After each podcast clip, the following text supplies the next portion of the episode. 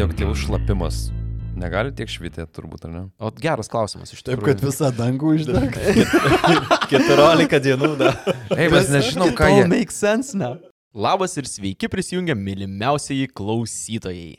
Užsimeskit halatą ir atidarykit duris, nes į jūsų ausis beldžiasi turinio kurjeriai Proto Pemza. Su jumis sveikinasi Povilas, Labas. Tomas, Ahoj, hoj. Aivaras Džambo. ir aš Vilius. Jūsų glėbin, mylimiai klausytojai, grįžtame su antruoju epizodu apie Dietlovo perijos tragediją. Mislinga devinių žygeivių žūti greta mirusiojo kalno Uralo kalnyne. Praeitą kartą atsisveikiname paskelbę žygeivių mirties aplinkybės tyrusio prokuroro Levo Ivanovo bylos išvadas. 59-ųjų tyrimas teigia, kad Igorio Dietlovo, Jurijaus Dorošenkos, Liudmilos Dubininos, Jurijaus Krivanišenko, Aleksandro Kalevatovo, Zinas Kolmogorovas, Rustamos Lobodino, Nikolaus Tibobrinjol ir Semiono Zolotarevo mirtis sukėlė nežinoma didžiulė jėga. A, čia buvo ta oficiali išvada. Taip. Sovietų, ne? Taip, to originalaus e, tyrimo, kuris baigėsi 59 e, metais. Atsakymo į klausimą, kodėl devyni patyrę žygeiviai supjaustė palapinę ir rusiškos žiemos naktį pasitiko beveik pusplikiai, niekas nepatikė. Todėl likusi vakume užpildė dešimtis skirtingų žygeivių mirties teorijų. Perspėju, kad šioje laidoje išgirsite tikrai ne visas Dietlovo grupės žuties teorijas. Mes ir jūs turime ribotą dėmesio laiką, todėl pateiksime tas teorijas, kurios atrodė įdomiausios. Ir jei neišgirsite jums patikusios, tai tikrai nesisielokite. Yra aibė knygų, filmų ir kitos medijos, leisančios patenkinti tamsiausią jūsų smalsumo fetišą. Pirmiausia, žinoma, šaltiniai. Tu, turim tai čia? Oi. Atsiprašau, ar aš trukdau tau savo mėgą. Ta prasme, mes šiuo metu įrašinėjame epizodą, tu čipsus atsidarniai? Aivar. Nu, atsiprašau, ką dabar man daryti? Parodyk. Nu, pa, nu, pa, palauk, palauk. Ne, ne, tai neskubėkime, aišku, ne tai, kad epizodą reikėtų įrašyti. Ką jūs valgote, ta prasme, nes geriau būtų žiauriai skanu, kad... Čias, čipsai, man padėjo atrasti savo triufelį čipsų pasaulyje. Mm. Na, ar čia tie patys čias čipsai, kur degustacinį rinkinį sudaro 12 skirtingų ir išskirtinių sko- skonių, taip, tas pats.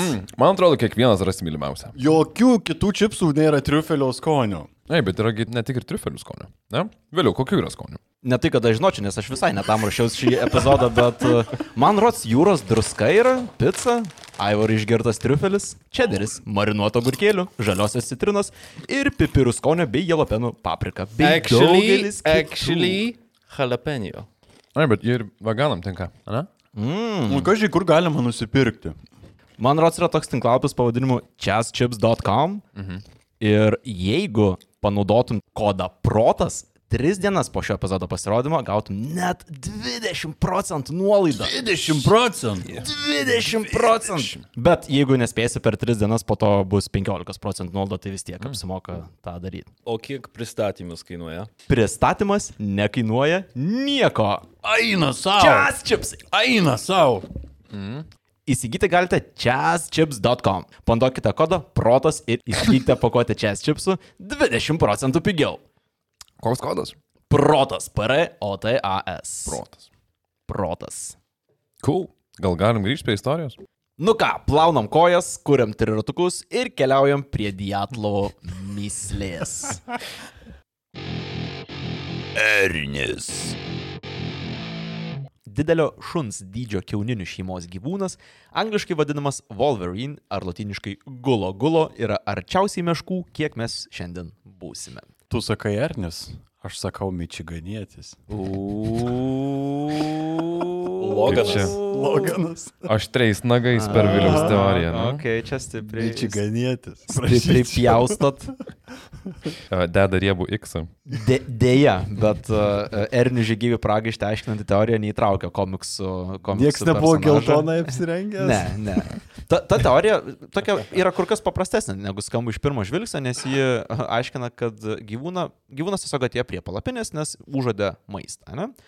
Ir bandydamas patekti vidun, gyvulėlis įsipainiojo ir supanikavęs paleido milžinišką smarvę skleidžiantį skysti, panašų į tą, kurį skunkai paleidžia. Ir negalėdami pakęsti smarvės, žygeiviai išsipjovė lauk iš palapinės ir nusprendė paeiti žemyn, kad e, gyvūnėlis turėtų laiko pasišalinti ir smarvė išsivadėtų šiek tiek iš palapinės. Tipo, o, kas sušiko? Hei, uh, Erinio ta smarvė yra tiek intensyvi, kad ji gali greušti akis, Aš suprantu, nu, bet tai yra gana patyrę žygeiviai ir, na, Taip, tai yra gan patyrę žygeiviai ir, na, čia reikėtų tokios geros, na, panikos tam, kad tu išsigastum Aha. to gyvulėlio taip smarkiai. Ernio labiau bijot reiktų nei meškos. Jo, jie labai agresyvūs yra. Labai agresyvūs ir jie atkaklus. Jie gali šimtą kilometrų paskui žmogų eiti, kad tik jį sumedžiot, nes tu jį sunervinai. Ir jis tau nori atkeršyti ir jis šimtą kilometrų eis paskui pagal kvapą. Kaip žemaitis, ne? Jo, jo, lygiai tas pats. ne, tai aš dėl šito nesiginčiu, tiesiog pati, pats scenarijus, kurį dėlioja. Jo, pakank, jis pakankamai keistas yra. E, Ir, žinai, daug klausimų galėtų kilti, nes jie galėjo išeiti iš palapinės ir pastovėti. Norm- Šalia prie palapinės. Normaliu keliu. Jo. Jo. Nepjaut. E, Žinai, buvo e, teorija ta, kad neišėjo normaliu keliu dėl to, kad jis įsipainiojo prie palapinės ir nebuvo kaip jo neįleidžiant į vidų pas juos išeiti laukant. Jie tiesiog, na, skubėdami išsikatino savo, savo kelią. Ir e, ta teorija aiškina, kad, na, pradžioje jiems gal buvo nešalta, jie išėjo be rūbų ten pastovėti, nes laukia galėjo būti tik tai minus 8 laipsniai šalčio tuo metu, bet jeigu staiga būtų pakilusi audra, temperatūra nukrenta minus 30, nesimato kaip grįžti, jie išeina į mišką ir, na, ten visi kažkokiu būdu, būdu miršta, bet katalizatorius palikti palapinę yra, yra tas 30-40 kg agresyvus padarėlis Kuris perdžia. kuris, jo, kuris leidžia, leidžia smarvę. Ir, nu kaip, tiesa, tai ar ne patikrinti pakankamai sudėtinga, tačiau grupės paieškoje dalyvavę žmonės pažymėjo, kad matė Ernio pėdsakus netoli miško, kuriame žygeiviai mirė. O ar toj palapinė nesmirdėtų toliau, kai ją A, ne. atrado? Bent jau tos teorijos šalininkai, kurių yra, man rodos, du gaila pavardžių, nepasižymėjau, bet e, jie teigia, kad kadangi palapinė buvo supjausta ir prabuvo dar kelias savaitės na, atvira, tai tikriausiai būtų tą kvapą iš, išnešioję. Problema didžiausia ta, kad tuo metu netyrė tam faktui, ne, nes galėjo kažkaip ieškoti dėmių ant palapinės ar panašių kažkokių na, likučių, bet tiesiog ne, ne, nebuvo iš to įfaktorinta. Konkrečiai dėl Ernio nesu tikras, žinau, kad skunksų skystis, kurį jie leidžia, jisai e, susiriša su baltymais. Dėl to, jeigu tave skunksų skystis aptaško, tu negali nusiplaut, nes tai tiesiog e, susijungia su tavo oda, su baltymais tavo odoj. Mhm. Įtariu, kad gal Ernis galėtų panašiai funkcionuoti tada, bet kokia organiška medžiaga, gal ne tik organiška, bet jį turėtų turėti tas dėmes. Na, šita teorija, sakykime, tokia keistoka, bet man kažkuo primena Koino filmą Fargo, ne? Ir Jo, tokį makabrišką absurdą gal visoje Mhm. šitoje vietoje, tai gal taip galėjo būti, bet savo pinigų nestatyčiau tikriausiai už šitai. Prakeiktas bičiganietis. Šviesos danguje. Šis paaiškinimas apima kelias teorijas Dietlovo grupės tragedijas siejančias su dangumi. Šalininkai mano, kad palapinę Dietlovo grupė paliko išsigandę iš dangaus regėto šviesų ir garso šokio, o tai nevairodo 34-asis Krivonišenko kameros kadras su baltais ratilais juodame fone. Tai ne paukštis, tai ne lėktuvas. Tai NSO. Ir, na, tas flirtas su tokiu, sakykime, ekskluzyviai neįvardymu NSO, tačiau vis dėlto šita teorija leistų bent jau iš dalies paaiškinti radiaciją, bei kodėl Liudas Zolotariovas ir Tibo mirė nuo sunkių fizinių sužydimų. Svarbiausia vis dėlto tai, kas tą teoriją iškėlė. 90-aisiais žurnale Lenininskiai Put, Lenino kelias tikriausiai. Leninskiai put. Leninskiai Put, ne? Put. Tame žurnale. Žurnale pasirodė straipsnis pavadintas Ugnies kamolių paslaptis.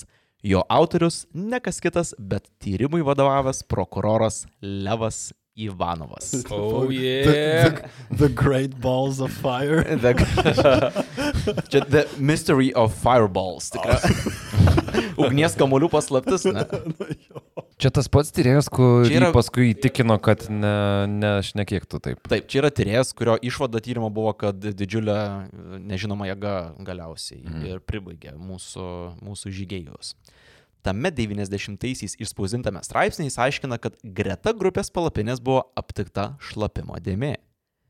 Todėl prokuroro manimu kažkuriam žygėjui rašant laišką ant sniego, danguje pasirodė kažkas itin grėsmingo. Ir likę draugai buvo paraginti staigiai palikti palapinę ir dingti nuo jos kuo toliau. Tai Ivanovo teigimu, Tai reiškia, kad kažkas baisaus išgazdino ne tik jį, bet kartu privertė kitus grupės narus staigiai palikti palapinę ir patraukti miško link. Išsiaiškinti, kokia jėga tai padarė, ar bent jau geriau ją suprasti ir buvo pagrindinis tyrimo tikslas.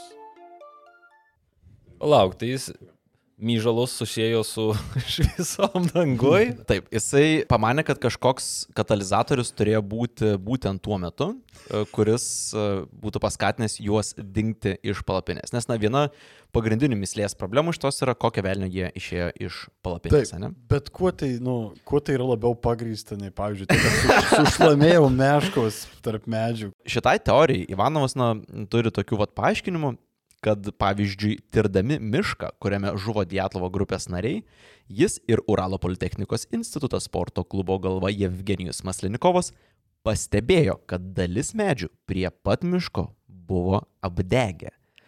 Nudegimai neturėjo vieno šaltinio ir rodėsi, tarsi karščio spindulys būtų perbraukęs per miško kraštą, nelyg į ką nors taikėsis. Pavyzdžiui, į tris grupės narius, kurių gyvybė užgeso dėl fizinių sužeidimų. Kažkokia kamehame čia gaunasi, kad Tai vad čia patruputį dėliojasi En- Ivanovo. Iva, jo, Ivanovo mąstymo logika, ne? kad jie išėjo iš palapinės, nes pamatė šviesas danguje ir išsigandę jų pradėjo leistis žemyn į mišką ir jau besileidžiant į mišką, ta šviesa, kuri buvo danguje, pradėjo, na, kažką paleido karšto į tris bent jau žmonės, tai yra Zolotariovas, Liuda ir Tibo, man atrodo, kurie buvo sunkiausiai sužeisti galiausiai, kurie mirė nuo fizinių sužalojimų. Jeigu neatsimenu, tai Liuda ir Zolotariovas buvo sutraiškytais šonkuliais, o Tibo buvo suskaldyta Bet jie nebuvo apdegę. Na taip, jie nebuvo, e, jie nebuvo Tai apdegę. negalėjo kažkas paimti tos rovės, nukreipti juos nuo sniego. Matai, jo, Ei, bet žiūrėk, gal apdegimas yra šalutinis poveikis to, kas keliavo stipriai jėga į juos. Kokia nors raketa. būtent taip Ivanovas ir galvoja, Paulai. Tai labai, labai užčiapi. Nu, bet vis tiek turėjo būti kažkoks, tai jeigu tai taip greitai lėkė ir apdegino kitus dalykus, tai kodėl ant kūnų nėra jokių nudegimų? Nepamirškim, Nes- kad jis tą laiko nežinoma e, jėga. Kažkas. Ne, bet jis, jis laiko tai žinoma, nes jisai išneka apie fucking ugninius kamuolius. šneka kaip teorinį kažkokį variantą, bet e, nežinoma, nepatirta žmonėms gal. Jis nevadina tuo ateiviais ar kažko. Jis tą įvardina aiškiai kaip NSO. Tiksliai, kas matė apdegytus medžius ir ar yra kažkokios nuotraukos, ar tai kuriuo momentu in tyrimą visą šitą įnėjo faktas, ar kabutėse faktas, kad buvo e, apde, apdegusios žymės? Šiek tiek gali būti spragų šitame Ivanovo atsiminime, nes jis, No. jis mano, na, jis teigia, kad jie pastebėjo šitai gegužės mėnesį. Tai yra, na, jau trys mėnesiai praėjo nuo vasario mėnesio įvykių. Ir tokia viena detalė, kad jis vat, sako, kad buvo su Jevgenijumi Maslenikovu, kuris gegužės mėnesį nebuvo tame regione iš viso. Tai kiek tas jo atsiminimas yra teisingas, neaišku, bet vis dėlto prokuroro tyrusio bylą. Fotografijų tai rodančių nelabai yra. Yra fotografijos, kurios um, fotkina laužą, prie kurio buvo nu, dalis, dalis grupės narių, atsimenu iš praeito epizodo, bet kad miškas būtų vienodai nudegęs, ne, čia yra Ivanovo e, dalykas, kurį jis atsimena ir neturi kaip jo, sakykime, pagrysti. Tai vienintelis įrodymas yra vieno žmogaus teiginys, prisiminimas. Principė taip. Ir tas teiginys, manau, būtų kur kas mažiau vertinamas, jeigu jis nebūtų tyrimo prokuroras. Tai turėjau autoritetą. Kai... Taip, bet pranešęs šiuos savo įtarimus regiono komunistų partijai, Ivanovas sulaukė labai aiškaus nurodymo bet kokius svaičiojimus apie NSO pasilaikyti savo. Ir prasmė to buvo tokia, kad šaltasis karas, na, akivaizdu, buvo karščiausiame taške, todėl bet kokia informacija apie keistas šviesas danguje, net jei ir neteisinga, šiukštu negalėjo pakliūti į kapitalistinių keulių rankas.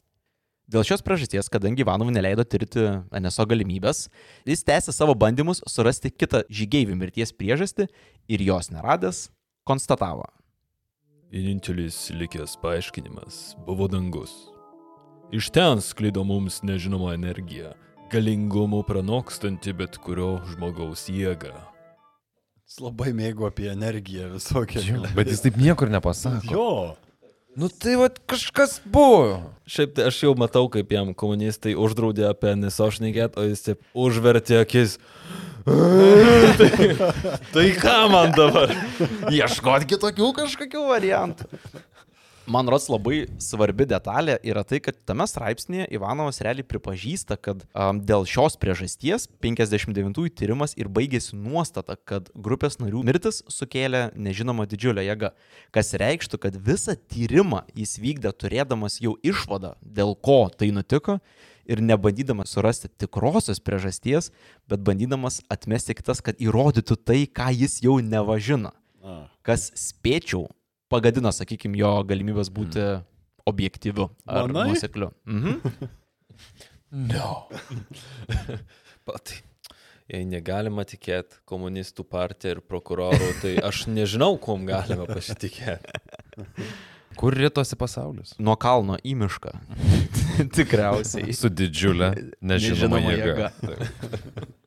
Nebūsiu hipokritas ir nesijuokšiu už jo, kad jisai. NSO pasinešęs, bet trūksta man, kad jis turėtų kažkokį įrodymą, ar tai nuotraukas bent jau tų medžių, ar būt bent jau antras žmogus, kuris pasakė, jo, jo, tikrai buvo, ar dar kažką.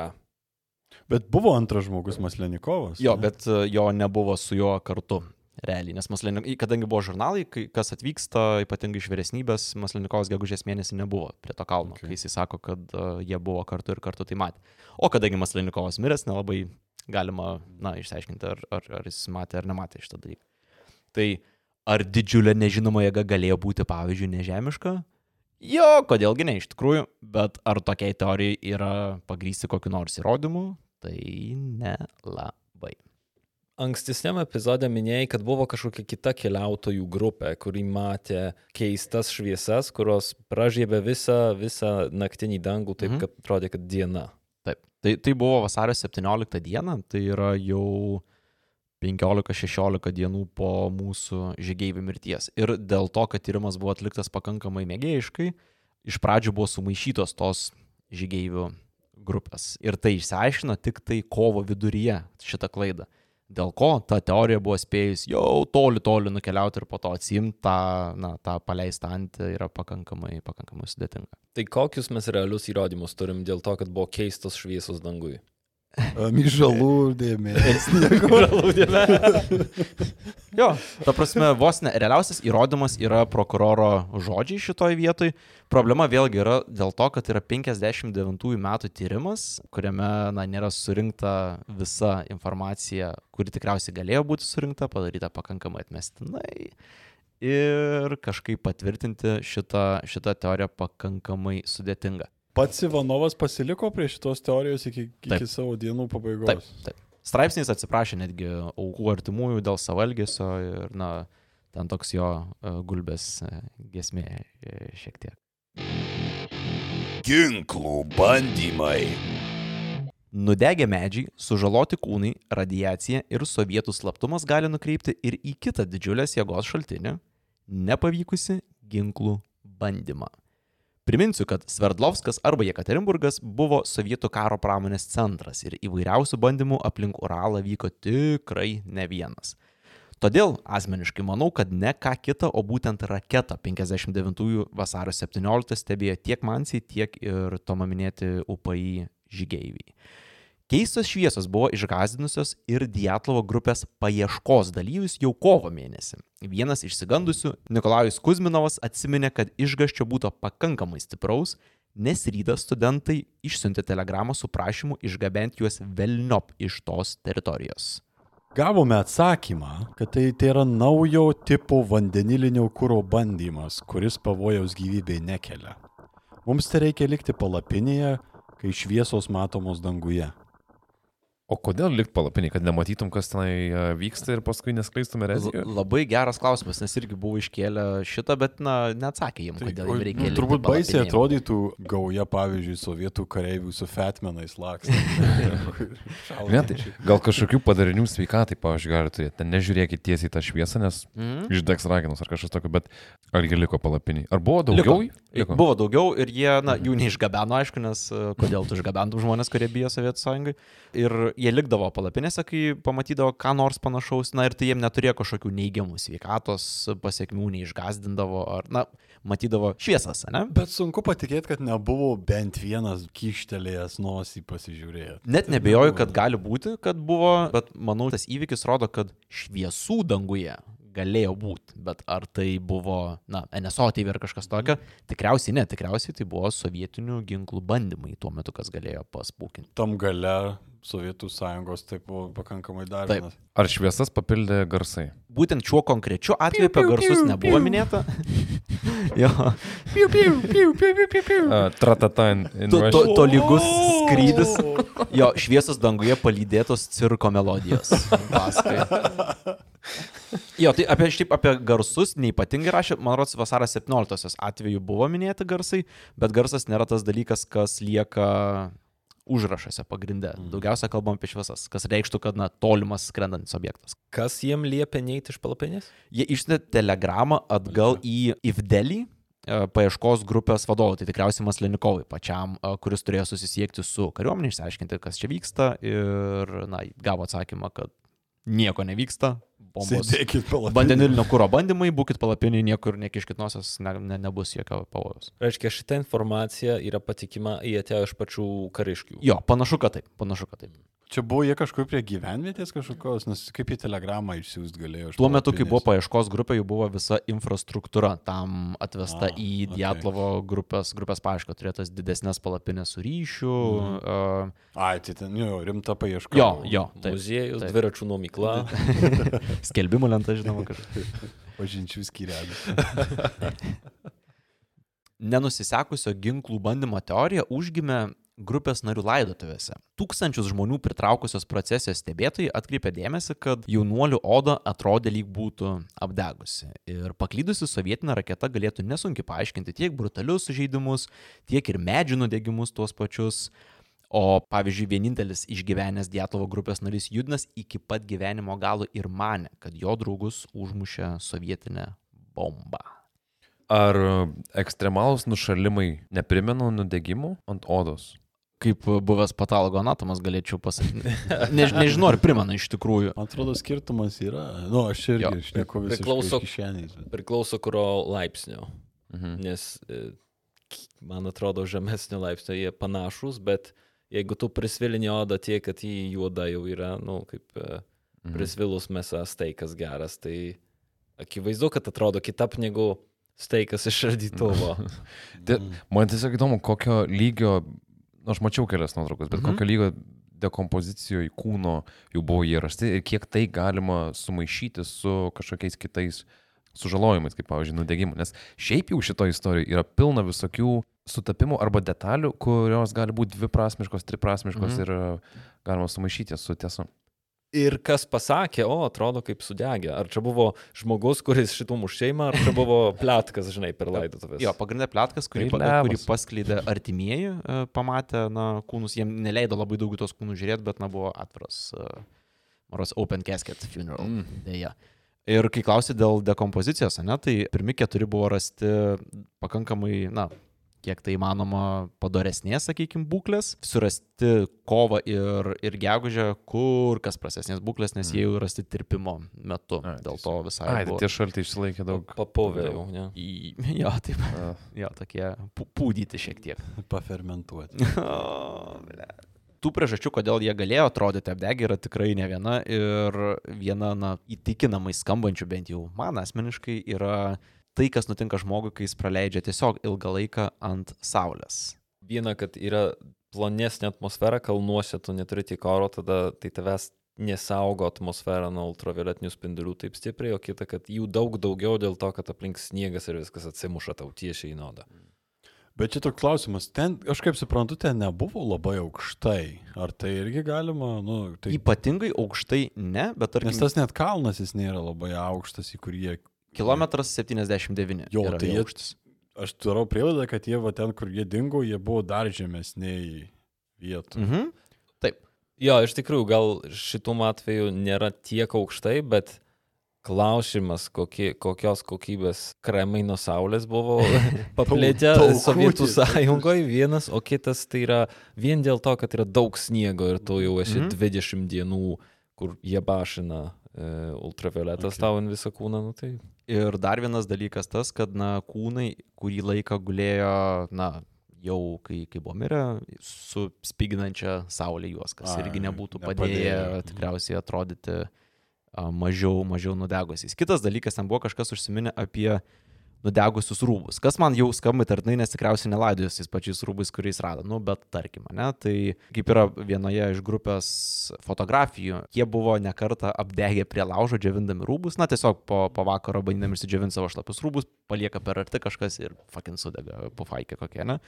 Bet vėlgi, kad kas, kas nors laidotų žmogų su tais pačiais rūbais, labai labai sunku patikėti šitoje vietoje, bet jeigu... O šiaip tai čia irgi toks akmuo in ateivių teorija, už tai, kad ateiviai jie biski pašima po rūbą. Jie ne, negražina Memorabiliją? visko. jo, Kaip Jono kelias. kaip Volskio, Aha. jo. Jo, kažkur yra tikriausiai Dietlavo batai, Volskio kelnes. Diržos aktis, kas ten Aha. dar dingo. Plačiai klausiant, ar Judinas teisus dėl šitos teorijos, dėl to, kad buvo ginklų bandymas. Kažin. Kuo jis remiasi? Judinas remiasi tiesiog mano, kad taip yra, nes tuo metu, kai jis buvo jaunas, buvo vyruojanti teorija aplink juos. Bet vienas didžiausių akmenų į tą daržą yra, kad Dietlovo grupės paieškose dalyvavo šimtai žmonių, tačiau jokių sprogusios raketos nuolaužų nerado nei vienas. Be, sakykime, apdegusių medžio, ne, tarkim, buvo apdegę medžiai, bet nebuvo rasta nei smūgio kraterio kažkokio, nei na, sniego nutirpusio, apdegusio ar, ar bet kokios kitos sprogimui būdingos žymės. Jei sprogimų iš viso būtų buvę radioaktyvaus, tai pėtsakai būtų buvę rasti ant visų žygeivių, ne ant dviejų rūbų vienetų, ant kurių... Ar dabar turėtume tenai? Taip, taip. Tai na, pakankamai, pakankamai sunku, sunku to patikėti. Jo, bet čia irgi stovi teorija ant, ant to, kad kažkas irgi pamatė kažkokias šviesas ir liepė sėdėti palapiniai. Nebuvo kažkokio efekto. Pagrindiniai ramšiai tos teorijos tai yra apdegę kūnai, tai yra fiziniai sužeidimai. Kūnai ar drabužiai? E, Kūnai, labiau kad kūnai. Laidotuvių metu dėl to ta Mhm. teorija ir pradėjo sklisti, nes pasirodė, nelyg jie būtų apdegę. Jo, ne? okay, ir dabar supratau, praleidau šitą. susidarė įspūdį, kad juos nubloškė sprogimo banga, tikriausiai apdegė ir dėl to ir neleidžia laidot kartu, dėl to ir nori slėpti na, visą, visą įvykį, dėl to tai yra slapta, nes tai yra valstybės fakapas. Man sunku patikėti, kad kūnas, kuris gulėjo kiek, tris mėnesius Pirmosius rado. gamtoj, Jo, nu, po pirmosius greičiau rado ten po kelių savaičių, bet uh, stil. nuo vasaro iki gegužės. Bet tai vis tiek šmotas laiko. Kiek Taip. Tu gali pasakyti, kokioj būklė jau yra kūnas e, po tiek laiko ir tu tikrai gali pasakyti, nu, man atrodo, kad čia kremo nepanaudoja arba tikrai apdego, nu, jis jau juodas būna tiesiog pats iš savęs Mhm. po tiek laiko.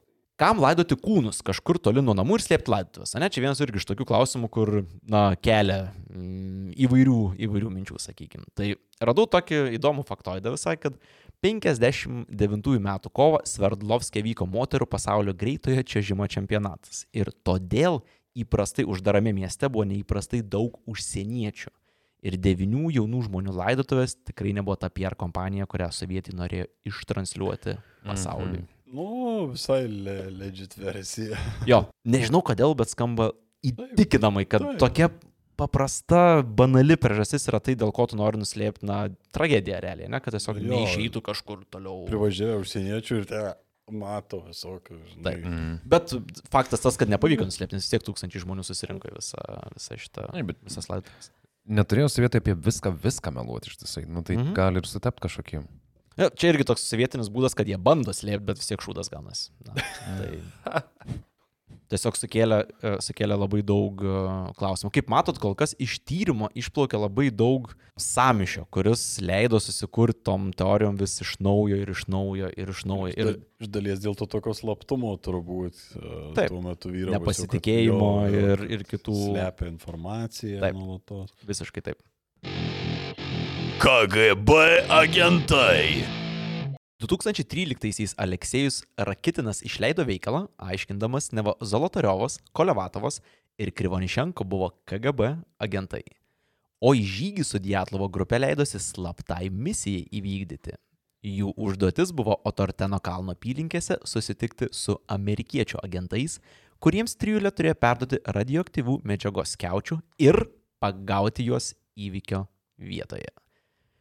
Tokių skiaučių jav žvalgybos sovietmečių išties ieškojo ir mokėdavo už jas nemažus pinigus. Radioaktyvias medžiagas leistų nustatyti, kur sovietai išgauna savo brandolinį kurą ir kam jį naudoja. Bet teorija sako, kad slapta operacija nepavyko ir amerikiečiai nužudė grupės narius.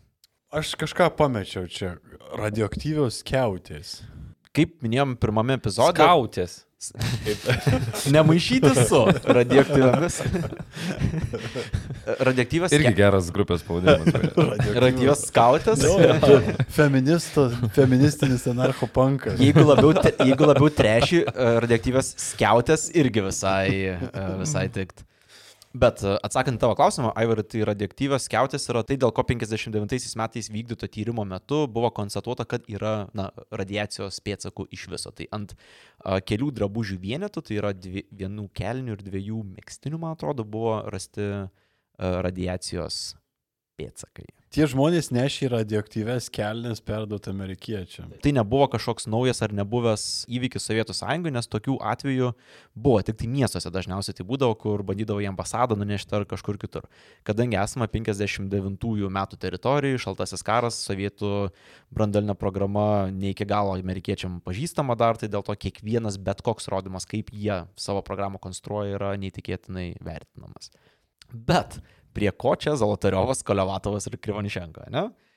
Tai praėjusiame epizode kalbėjome, kad Zolotariovas ilgus metus buvo karys ir tik dėl rezervo mažinimo neliko kariuomenėje. Šnipų teorija aiškina, kad jis pateko į žvalgybą. Kaip Tomas praėjusio epizodo metu ir atkreipė dėmesį, netikėtai grupėje atsiradęs vyresnis vyras turėjo prižiūrėti jaunimą. Tuo tarpu Pipkės entuziastas Kolevatovas ir linksmuolis Krivonišenko abu iš tikrųjų dirbo slaptose objektuose susijusiuose su sovietų atominė programa. A, Kolevatovas buvo, ką jis ten studijavo? Fizika, branduolinė fizika. Va, okay. Ir pavyzdžiui, ką Kolevatovas dirbo, iki galo nėra aišku, bet žinoma, kad jis mokėjo vokiečių ir anglų kalbas. Būdamas 23 uždirbo maždaug dvigubai daugiau nei vidutinis maskvietis ir gyveno prestižinėme mokslininkams skirtame rajone. Gal podcasteris buvo? O, tikriausiai dėl to ir mirė, ne? Jo. Tai va, žinom, kas būtų, jeigu būtų Sovietų sąjunga. Kolevatovas dirbo pramonės mašinų gamybos ministerijos pastate, iš kurio buvo diriguojama sovietų atominė programa. Šiuo metu tame pastate yra įsikūrusi Rusijos atominės energetikos įmonė Rosatom. Mm. Tuo tarpu Krivonišenko dirbo plutonio gamykloje Majake. Ten pat, kur 57-aisiais įvyko antra didžiausia brandolinė katastrofa žmonijos istorijoje - Kištimo avarija. Krivonišenka ne tik dirbo ten, bet ir buvo vienas avarijos padarinius likvidavusių darbininkų. Okay. Reiškia, žygį išėjo su darbinėm kelnim. Iš dalies taip. Arba buvo e, tų, arba buvo šalia tų darbinių, sakykime, kelnių, arba išsinešė. Kad galėjo išsinešti, tai tikrai visiškai realus atvejis, nes nepamenu, kuriam grupės nariui, bet tam, kad nupirktų naują striukę, mama metus laiko pinigus taupė. Tai, na, 59-ieji. Nieko nėra, ta prasme, viską jie pasidarydavo patys ir labai tausodavo tai, ką pasidarė. Šioje vietoje svarbu, kad kištimo avariją sovietai slėpė itin agresyviai, todėl Ivanovui aptikus radiacijos pėtsakus tyrimo metu byla buvo uždaryta vos ne kitą dieną po šitos informacijos sužinojimo, nes niekas neturėjo žinoti apie jokią radiaciją ar iš kur ji atsirado. Bet kaip įdomu, kai slėpimas sukelia daugiau minčių, Jo. negu kad iš tikrųjų tiesą pasakytum, mhm. arba Mhm. bent jau leistum tai pasakyti. Sukuria preteksto labai daug Teorijų. teo teorijų mm. ir tokių svaičiavimų, ta prasme, kas galėjo būti. Ne? Bet biškelipi ant grėblio, Sovietų sąjunga, mėla. Mm. Dėl to jos ir nebėra gal. no shit. Jei gerai supratau, tai radioaktyvumas, kuris buvo tikrai... Radioaktyvumas yra gerai įrodytas. Taip, ne? tai yra faktas. Faktas. Ir Mhm. tai šitą vis dar galima būtų teoriškai bent jau ištirti, tiesiog Mhm. mhm. atkask, tai vis dar bus tos kelnės, tos trukis. A. Spinduliuoja toliau. E, Tai turėtų būti kažkur tarp bylos įrodymų, nes jų nepalaidojo su, su tais rūbais, bet Okay. buvo ant rūbų. Bet čia yra labai aiškus fizinis įrodymas, Taip. Kuris uh, nepalieka interpretacijai vietų. Mhm. Ir jis visiškai atrodo nesusijęs su šitom žygiu, už tai, kad du žmonės dirbo prie brandulinių, vienas iš jų prie brandulinės programos dirbo kaip fizikas, kitas galbūt dirbo, nes nežinom kur. Mhm. Ir kapšykis jų rūbai radioaktyvus. Mm, kažkai dėl ko. Tikrai geras pointas, ta prasme, jų ten ir atsiprašysiu, bet ir myžalai galėjo būti radioaktyvūs. Galėjo. Deginti. Ne, gal, gal taip tą balą ir rado. Pusė miško išdžiuvo. Čia tas faktas, kad jie abu dirbo tuose slaptuose e, objektuose ir prideda daugiau suvokimo, kodėl, tarkim, ta paieška buvo tokia, na, kodėl taip greit kariuomenė iš viso įstraukė, kodėl a, tam pusė lūpų kalbama, kad KGB dalyvavo toj paieškoje, kodėl taip stipriai norėjo rasti tuos devynis žmonės, kai žinom, kad Sovietų sąjunga nebuvo labiausiai žmonių gyvybėm besirūpinant teritoriją, bet buvo realios baimės, kad tie žmonės, kadangi Kolevatovą, man rodos, rado tarp paskutinių jau, kad pabėgo. Buvo tokia, na, baime, kad gal Norvegija pabėgo, gal su amerikiečiais pabėgo vėlgi. Ir tai būtų žmogus iš slaptos sovietų programos pabėgęs į, į priešo, priešo pusę, kas suteikia dar vieną levelį slaptumui ir nuojam teorijom iš to paties kylančiam.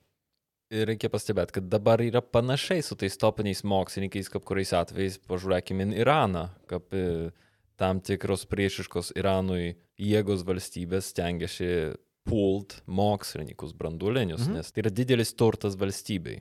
Jo, sunkiai atkartojama prekė, ne? Taip. Sunkiai atkartojamas vienetas kažkoks.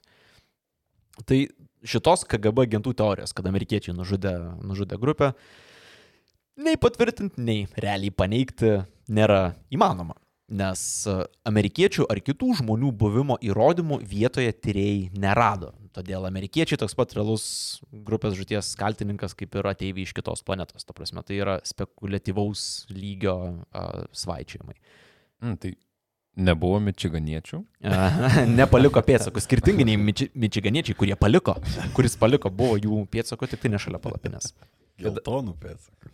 Mm, Geltonus pėdsakus, neaišku. Įsivaizduok, e, paskutinį kartą savo gyvenime tikriausiai pamyži prie palapinės ir amžiams lieka šitas, e, šitas dalykas, tai geriau jau kažką būtų gero ten išpaaišęs. Ejo, tai o radio, Širdutė. Zina. o radioaktyvus, um, radioaktyvus šlapimas negali tiek švitėti, turbūt, ar ne? O geras klausimas iš Taip, tikrųjų. kad visą dangų išdeg. 14 dienų, da. Ei, mes nežinom, ką jie, makes sense, ne?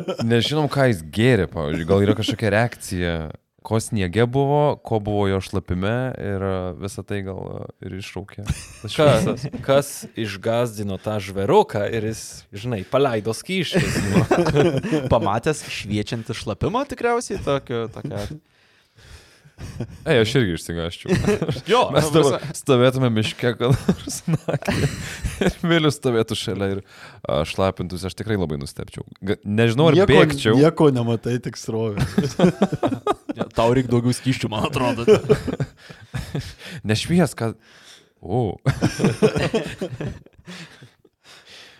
Tai, na, KGB agentų teorijos prasme yra tai, kad jie leidžia paaiškinti Krionišenko ir Kolevatovo įsitraukimo su radiacija e, nešančiais rūbais, kurie, na, jiem ir, ir priklausė. Vieną iš rūbų beje rado ne ant, e, jeigu neklysiu, ne ant Kolevatovo, o ant e, Zinos liktai, bet, na, tikriausiai ar perdavė, ar, na, drabužiais žmonės galėjo keistis, kai šalta, tai... Maža, maža ką. Mhm. Ir ko tik tai. boyfriend's jeans. Šiandien užsidėk, mano kelias. Duodi radioaktyvų. Tikrai žinai, ar buvo su tavo rūbais, ne? Po to tikrini visų bernų radioaktyvumo lygį. Su, su Gaigeriu skaitai Jo. klyvus visus. Jo, prieini prie diatlovų ir žiūri, ar, ar ta svirtelė juda. Apsinuodijimas. Intoksikacija Diatlovo grupės žuties priežastimi vardinčios teorijos turi vieną bendrą bruožą - iš vidaus kilusi chaosą. Viena tokių teorijų, kurią iškėlė Clarkas Vilkinsas, aiškina, kad žygėjų mirtį sukėlė ne kas kitas, o palapinės viduje naudota krosnelė. Tai nežinau, ar pamenat, bet praeitą epizodo metu minėjau, kad Dietlovas buvo ten sumeistravęs tokį Ir pasaulio aparatą. čempionatas. Ir vyko. pasaulio čempionatas vyko kur per valandą. Sunku pamiršti. Tai kažkas valandą konstravo galbūt Mhm. krosnelę ir blogai sudėjo. Užsiknis ir žudė visus Jo. tiesiog. Ai, bus gerai. Nu. Ai, dėl to. Tai ta krusnelės žudikės teorija aiškina, kad vasario pirmosios vakarą po vakarienevę grupės nariai neatsargiai išrinko krusnelę. Ir kad ji buvo išrinkta yra tikrai faktas, nes tokią ją rado palapinę aptikę Dietlovo grupės ieškojo žmonės. Tačiau išrinkus krosnelį ir jos neišvalius palapinę, kaip mat galėjo pripildyti uh, rusenančio kūro dūmai. Ne? Ir tai galėjo nutikti didžiai dalį grupės narių dar miegant, kol kažkas visai netyčia pabudo, dūmų pilnoje palapinėje, pradėjo panikuoti, kosydami ir apgraibomis, ieškodami, kur ten išeiti, išsipjovė tiesiog lauk, kad galėtų įkvėpti, na, grino oro kurkšnį. O ar yra kažkoks tyrimas dėl tų medžiagų, kurios buvo krosneliai ir kurias skleidė, ar jos gali kažkokį turėti efektą tokį, kad tu taip turi, nes... Suodžiai tikriausiai tai būtų, ne? Taip, bet, bet nu, tu neišprotėjai nuo suodžių ir tai neįvyksta, nes čia paaiškina tik tai pabėgimą iš palapinės. Tik išėjimą lauk. Taip. Ir tada, sakykime, kažkokių kitų faktorių dar visuma galėjo ateiti, kuri nustūmė juos žemyn. Bet čia tik tai aiškina išėjimą iš palapinės. Suodžiai persikioja, kaip pelostas. Vos ne, vos ne, jo, jo. Okay. Kita šiek tiek panaši teorija į krosnelę aiškina, kad Dietlovo grupės nariai apsinuodijo metanoliu. Tokio tipo apsinuodimai gerokai trikdo loginį mąstymą, stipriai riboja regėjimą, sukelia skausmingus skrandžio spazmus ir vėmimą. Ir tai leistų paaiškinti, kodėl itin blogai pasijutę grupės nariai užuot atsirišę įėjimą išsipjovė lauk, na, nes nieko nematė ir panikavo, o itin prasta rega leistų paaiškinti, kodėl žemynų kalno leidosi išsirikiavę į eilinę lik laikydami senę už rankų, o ne vorelę, kaip uh, žygeiviams būtų įprasta iš kur jie tą metanolį į savo, į savo kraują susidėjo. Ne? Tai prieš leidžiantis į kelionę Judinas niekaip negalėjo rasti medicinio alkoholio, todėl pagriebė nedidelę gertuvę, kurioje pagal kvapą buvo alkoholis. O kas ten galiausiai buvo iš tikrųjų, nėra aišku. A, tai aš galėjau būti šnapstas tada. Ir kadangi jeigu buvo koks samagonas, klausyk, kuris dar iki šiol vat, yra istorijos, kur ten pusė kaimo miršta. Apanka Jo ir... apakę tenais, tai... Bet devyni žmonės. Mhm. Ar visi turi tuo pačiu metu tada po tą čirką išgert kažkaip? Panašu, kad taip. Panašu, kad taip. prasiūs gertuvę. Mhm. Ai, tai vis tiek turi praeiti tada kažkiek laiko, kol suveikia. Ir tada visi staigiai išpratėja? Poveikis, kaip suprantu, trunka iki 12 valandų. Ta prasme, gali būti iš karto, gali būti po 12 valandų. Tai čia nelaimingų aplinkybių visuma turi būti. Mhm. Tai kokį jie ten raketų korą turėtų gerti, kad būtų nuo vieno gurkšnio devyni žmonės iš mažos gertovės apaktų. Vienu metu. Eksperimentinį vandenilio kurą.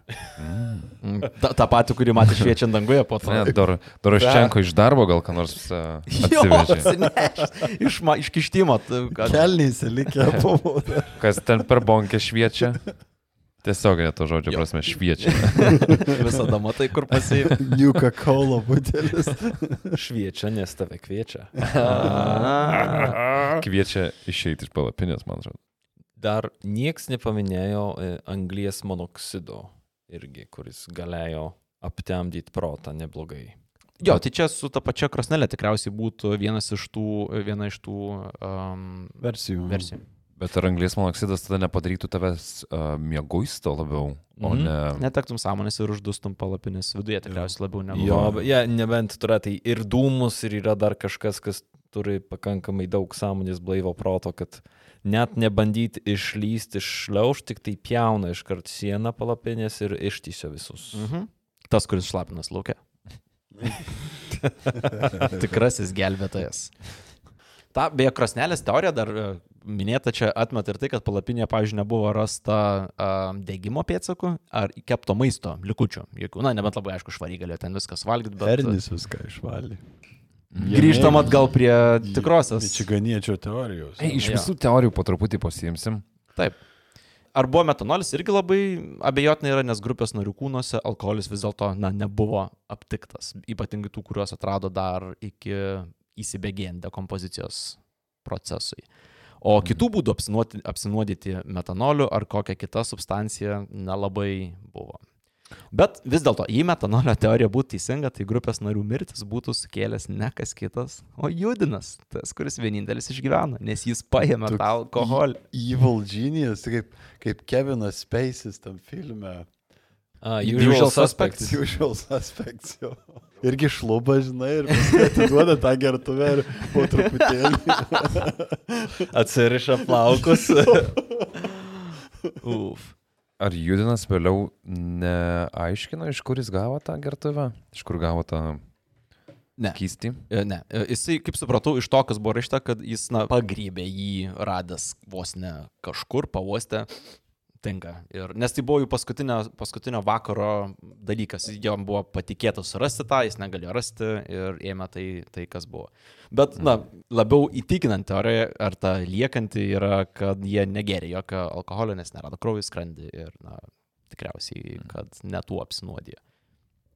Tai čia vos ne didžiausia paslaptis yra, kas jūs išvarė iš palapinės. Taip, jeigu žinai, dėl ko išėjai iš palapinės, yra daug lengviau, sakykime, paaiškinti tiek sužalojimus, tiek hipotermiją, tiek jų elgesį jau nusileidus nuo kalno, bet kodėl iš palapinės išėjo ir neišėjo, o išsipjovė laukan, yra, yra kitas dalykas. Gal užpaiso tos pačios dainos visą laiką. Liūda! Aš nebegaliu. Stichija. Kaip Tomai labai gerai ir pastebėjai, svarbiausia, dėl ko na, išėjo jie vis dėlto iš palapinės ir uh, žygeivių mirtis su gamtos reiškiniais įjančias teorijas, šiam klausimui daugiausiai dėmesio ir skiria. Viena kraupesnių versijų yra susijusi su infragarsu. Donis Eicharas prieina išvados, kad žygeivių palapinė atsidūrė tokio atmosferinio reiškinio pavadinimu Karmano efektas kelyje. Karmanas čia kaip toks superherojus, kur Carman. moka vairuoti bet kokią mašiną. A, Okay. Jasonas Tethamas. Jo pasipainioja. This fall. Jason Statham. In Ural. Arba, arba Vinas Dizelis for the family. Kino filme. Karmanas. Hei, jeigu per paskutinį uh, tą uh, greitį rusitą galėjo būti kosmose, tai tikrai galėjo būti ir Dietlavo perėjai. Tikrai ten atsidūrus. Jo, il- ilgai. Jo. Bet grįžtant e, prie Karmano efekto, tai per daug nelendant į mokslą, kurio tikrai neišmanau, e, Karmano efektas sukuria tokį, na, oro srautą, kurio šonuose susiformuoja uraganus, priminantis verpetai. Kieno šonas? Yra e, tiesi vėjo linija, įsivaizduokim, iš Mhm. kurios šonuose išeina uraganus priminantis verpetukai. Tai oh, tu turi cool. liniją su daug tokių apskritimų e, šalia.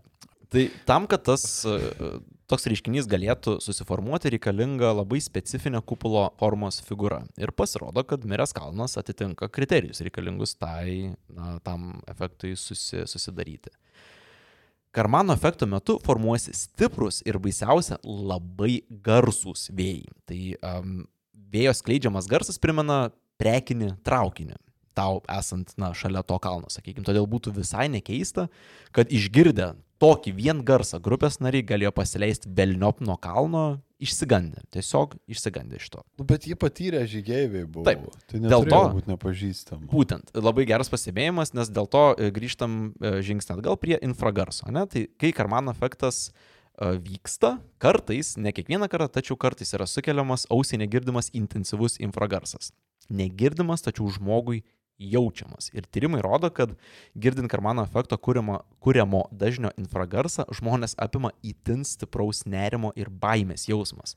Tai žygeivių kortoms sukritus įtin nepalankiai, palapinės šonuose jie būtų girdėję įtin garsų besidaužantį vėją, o infragarso dėka jų nerima būtų pakurstę ir panikos priepaliai. Tai vėlgi daugiau negu pakankamai priežasčių dinkt nuo kalno, kuo greičiau elgiantis visiškai neracionaliai. Kažkokia teorijos dalis, kuri paaiškina tą dramatišką išsipjovimą iš palapinės.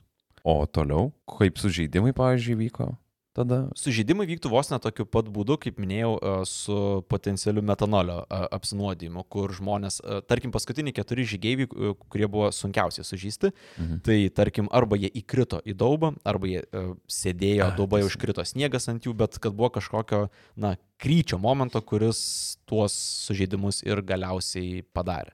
Mhm. Nesu tikras, ant kiek čia galėjo būti žinomas dalykas, nes ar šitas reiškinys toks dažnas, čia yra vienas Būtent, kad tuo klausimas, metu, ne? dėl čia yra problema su ta teorija, kad jos vėlgi įrodyti, kad būtent tai buvo, nėra įmanoma, nes tuo metu tikrai netyrė šitam faktui ir niekaip, na, ne- net nebandė paneigti ar patvirtinti šitą. Jeigu tau teko domėtis, ar yra Karmano efekto pavyzdžių realybėje, praktinėje, kurie Kad kalnuose- suveikia ant žmonių. Būtent, kad, kad kalnuose suveiktų neteko tokių, mhm. tokių skaityti ir nepamiršim, kad po Dietlovo perės tragedijos jie nebuvo paskutiniai, kurie ant to kalno buvo, tai kitiem irgi neteko susidurti su tokiam problemom. Tai, na, pakankamai okay. spekuliatyvu, bet jeigu ieškant, kasgi tokio neįtikėtino galėjo nutikti, kad jie paliko Viena iš, palapinę. jo, iš tokių teorijų, Mhm. kuri galima teoriškai, Taip. bet Bet jie nepaaiškina apdeginto miško. Jeigu tikėti Ivanovu, kad miškas buvo iš tikrųjų apdegęs, o nebuvo jau jiem nusileidus kuriamas kažkoks uh, laužas. Aš manau, Ivanovas yra savo lygoje, jis ten tegul žaidžia savo. Jis gal net ne tiek tyrė, kiek uh, suklaidint. Jis kiek ne, ne tik tyrėjau, kiek norėjau įrodyti savo tiesą. aš Nu, panašu jo, iš bent jau iš to jo to Aliens, man. Visiškai, visiškai. taip. Jo, Čia- kaip čia- tai yra, kad jis vienas tik tai atkreipia dėmesį į tokį obvious dalyką, kad Svarbu visai, ne? pusė miško apdegė, niekas jo, nemato. Kitu įtariamuoju iš gamtos pasaulio įvardyjamas katabatinis arba gravitacinis vėjas. Tai daugiausia šaltoms ir kalnuotoms vietovėms būdingas vėjo tipas, kuomet šalta oro masė vienoje kalno pusėje tikrąją to žodžio prasme krenta žemyn.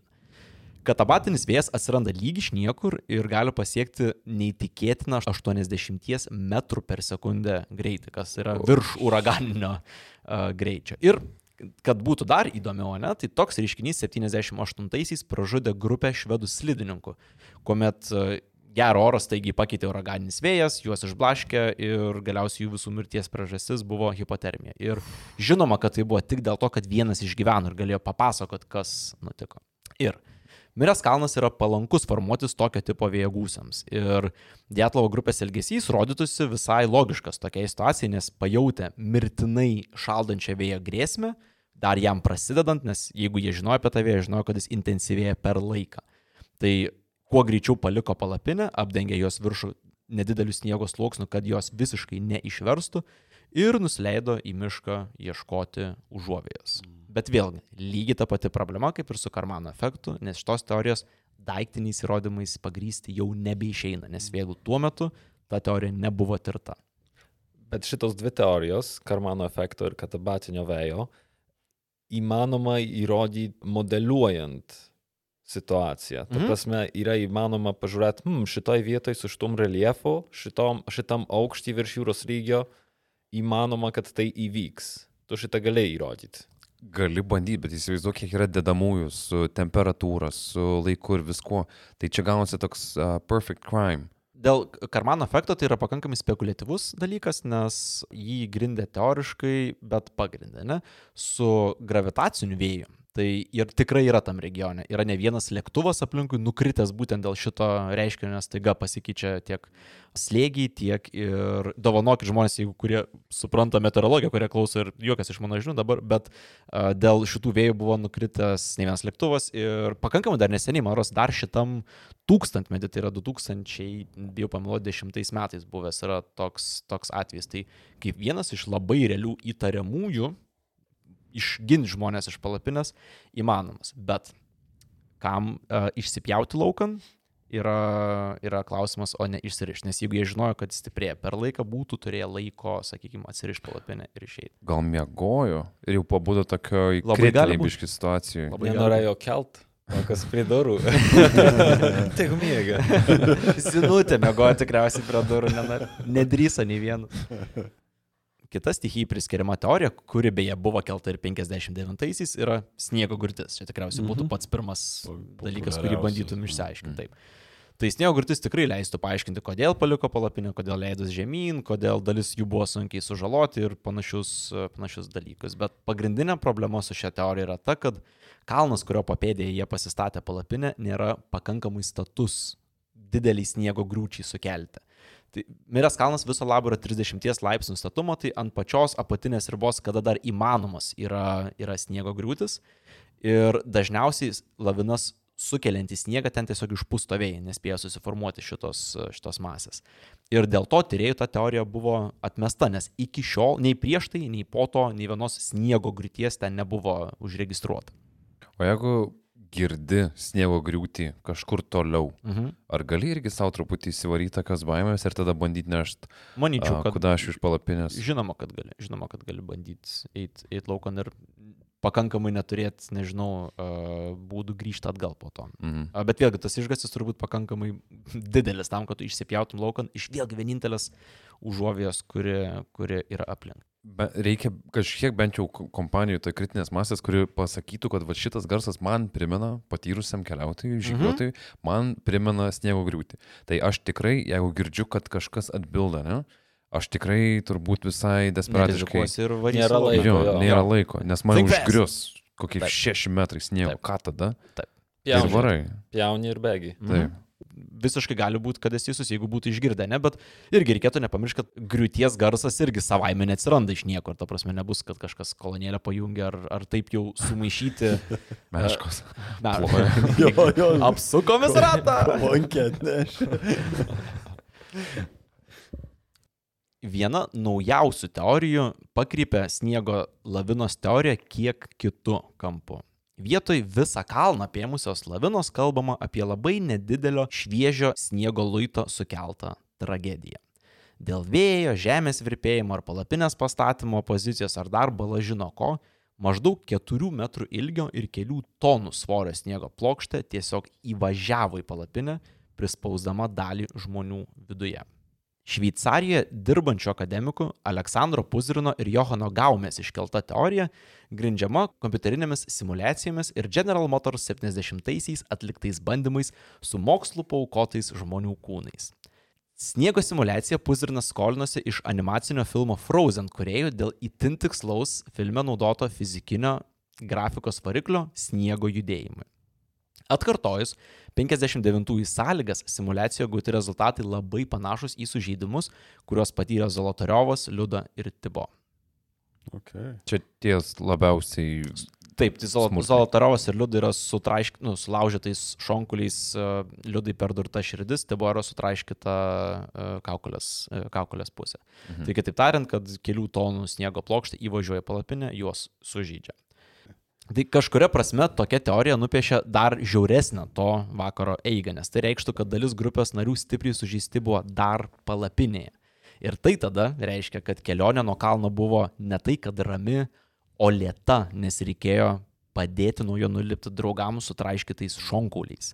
Sužeistieji veikiausiai rankomis buvo apsivyję dviejų žmonių kaklus ir buvo vedami nuo kalno į apačią. Todėl visa grupė tikriausiai ėjo vieną liniją palaikydami savo tris draugus.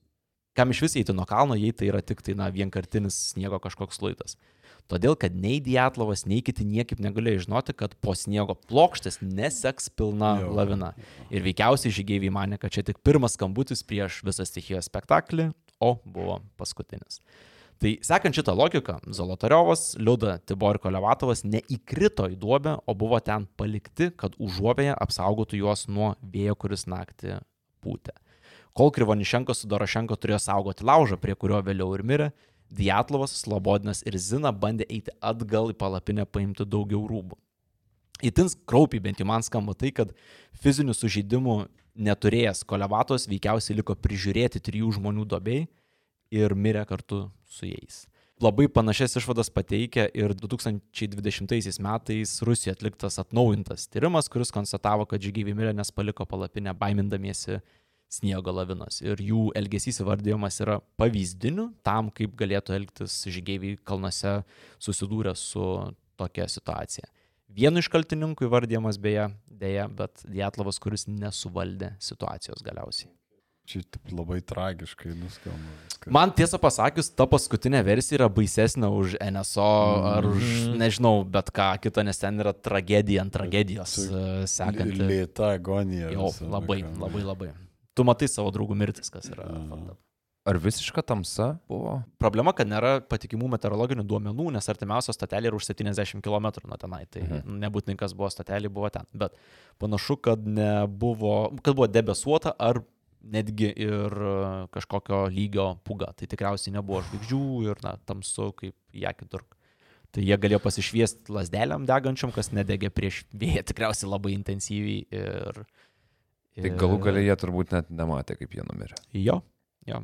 Bais, baisiausia, sakyčiau, trim paskutiniam keliaujantiem link palapinės, mm. kurie, na, nežinau, kiekvienam baisu iš tikrųjų, čia nėra nei viena baisesnė už kitą. Yra... Kažkaip nėra lengvo kelio. Šiaip, kai pagalvoj, labai tikėtina, kad Zina buvo paskutinė, kuri, kuri mirė, nes jinai toliau už uh, Dietlovą ir toliau už, uh, už kitą draugą, kurie ėjo link, uh, link palapinės. Tai spūky stuff, nes tikriausiai, jeigu jie kartu išėjo, jie dar juos paliko ten, ten gulėti. Kažkaip net nesmagu dabar. šitą teoriją. Yeah, turn dark pretty fast. O tai kodėl šita teorija nebuvo pasirinkta kaip... Uh, Yra žmonių, kurie sako, kad sniego sluoksnis, kuris buvo rastas prie palapinės, visiškai neprimena 4 tonų sniego. Kiti sako, kad tą sniegą išpūstė Velniop.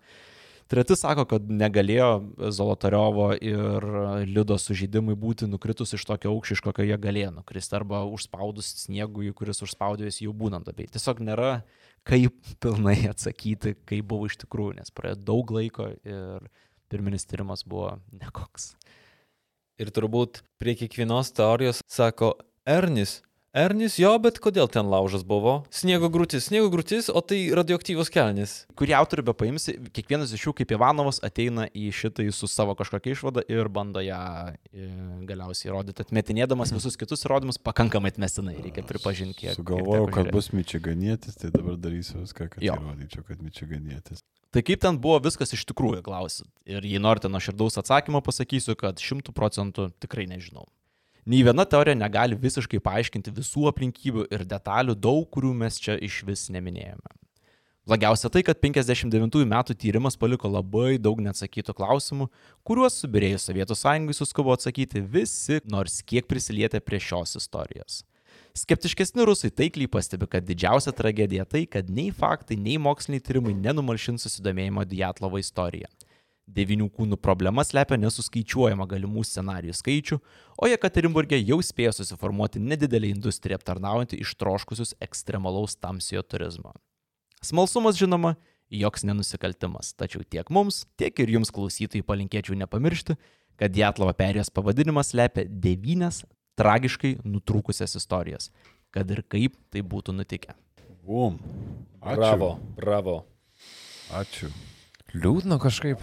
Viena išvada iš šito. Man paskutiniai turbūt teorija labiausiai, gal dėl to, kad žiauriausia, realistiškiausia mm. būdu paliko didžiausią įtikinamą įspūdį. Ir Pati seniausia žmogui žinoma ir pasakojama istorija - žmogus prieš gamtą. Mhm. Turbūt labiausiai, kas gazina, tai vietos atšiaurumas ir tolumas. Ir ant kiek tu devyniese, bet vienas.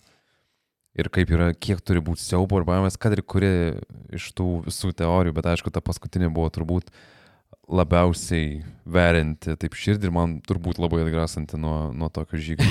Bet, bet labai baugu. Mhm. Ir baugu gal dar ir dėl to, kad kadangi nežinom tikslių detalių, tai vaizduoti ir mano, ir jūsų, man atrodo, tas detalės susikuria pati. Mhm. Ir čia jau pagal mūsų visų sugėdimo laipsnį, kiek esam įpratę siaubo a, suprasti ir kiek jau jo matę esam, tai čia šitą istoriją puikus benzino bakas į laužą baisybėmis vaizduoti. Kažkuria prasme šitą istoriją man priminė tą lenkišką NSO. Nes e, įvykis kaip įvykis, bet paskui atsekant, kas ką pasakė, kas ką pridėjo, iš kur ta konspiracija atsirado, kad vis labiau neįtikinamos detalės prilipdamos iš kažkokių nuogirdų, iš plėtkų, iš to, kad valdžia stengiasi kontroliuoti Mhm. visą informaciją ir mažo to jį uždraudžia bet kam apie tai šnekėt, o paaiškinimas toks atrodo tas pats paprasčiausias Vos ne. ir jo, įtikinamiausias, bent jau man. čia tai ir įdomu, nes o tu sakai paprasčiausias paaiškinimas. Aš kaip suprantu, tu vis tik referuoji į tą žmogus prieš gamtą, kad, kad kažkas... Stichija, jo, Jo. pra- išeina devyni žmonės į atšiaurą vietą, kur labai lengva žūt ir jie žūsta. Tada. Va- Jo, visas. Bet, bet pasigavusi, nepaisant to vat, paprastumo ir to paaiškinimo, sakyčiau, netgi tokio universalumo kažkuria prasme, populiariausia teorija, kiek tenka girdėti, tai visi, oi, čia buvo ginklų bandymai, Mhm. čia buvo kažkas, kas va, tokio, va, yra tas noras griebtis kažkokios konspiracijos, Taip. čia valstybė Taip. kažką sugalvojo padaryti. jos atsiradimas yra pa- tapatus su laidotuvėm, kai žmonės, negali, žmonės artimieji turiuomenį negalėjo gauti jokios papildomos informacijos apie tai, kas ten visgi galėjo būti.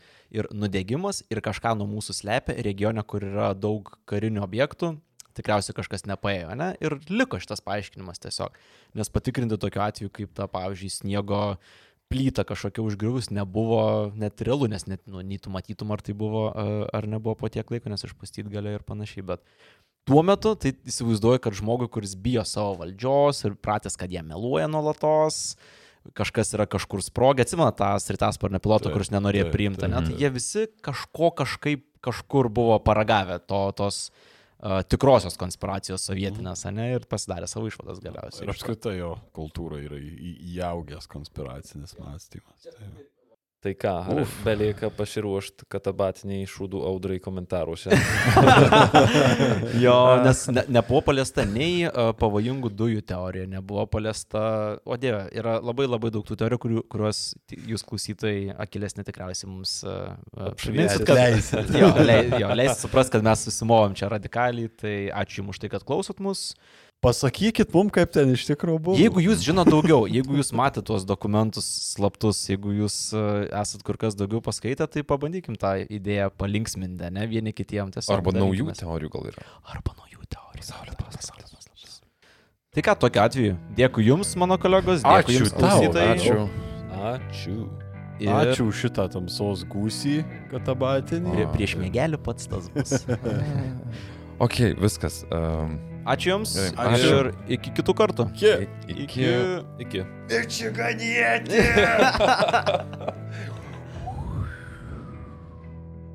Hei, kaip ir visada norėtume grįžti su specialia padėka savo mylimiausiams patronams. Todėl visų mūsų keturių vardų sakau ačiū. Jums gali kilti klausimas, kodėl paskutinę padėką sako tik vienas žmogus, o ne visi keturi. Taip yra todėl, kad padėkas įrašome prieš pat išleisdami epizodą, kad galėtume padėkoti visiems, kas ką tik prisijungė prie mūsų remėjų. Tai šį kartą savo specialias padėkas siunčiame Sauliui, Andriui, Laurynui, Aidui, Eileng, Justinui, Dariui, Gintui, Pinkiui ir Makauliai, Martynui, Sauliui, Kestučiui, Biliui, Martynui, Rolandui, Dominikui, Denui, Šarūniai, Dovydui, Obolevičiūtijai Kristinai, Gražvidui, Gabijai, Dovydui, Aistei, Mariui, Tomui, Romkai, Linui, Domui, Povilui, Smaidroniui, Simonui, Henrikui, Davidui, Algirdui, Lincei, Linai, Aurimui, Gabrieliai, Gediminui, Silvijai, Edgarui, Robertui, Domui, Richardui, Mantramui, Simui, Rimantei, Donatui, Karoliui, Edžiui, Andriui, Mikui, Mindaugui, Sauliui, Indriai, Ninskaitai, Marijai, Mantui, Elenai, Andriui, Šarūnui, Anastasijai, Skirmantiai, Sandrai, Mildai, Raimundui, Mindaugui, Marijui, Giedriui, Gvidui, Simui, Kūgiui Mūgiui, Gabrieliui, Kazimierui, Juliui, Vytautui, Rasai, Karoliui, Editai, Rasai, Aistei, Jurgitai, Kerniui, Mildai, Benui, Mindaugui, Simui, Tomui, Giedriai, Laurai, Arvidui, Rokui, Pauliui, Giedriui ir Doveliai. Ačiū Jums visiems mūsų mėlyje patronai, įsijungit mus dar už dviejų savaičių ir mes turėsime Jums kaip visada ką pasiūlyti. Jeigu dar netapot mūsų patronu, visada galite prisijungti į patreon.com slash proto pemza. Iki.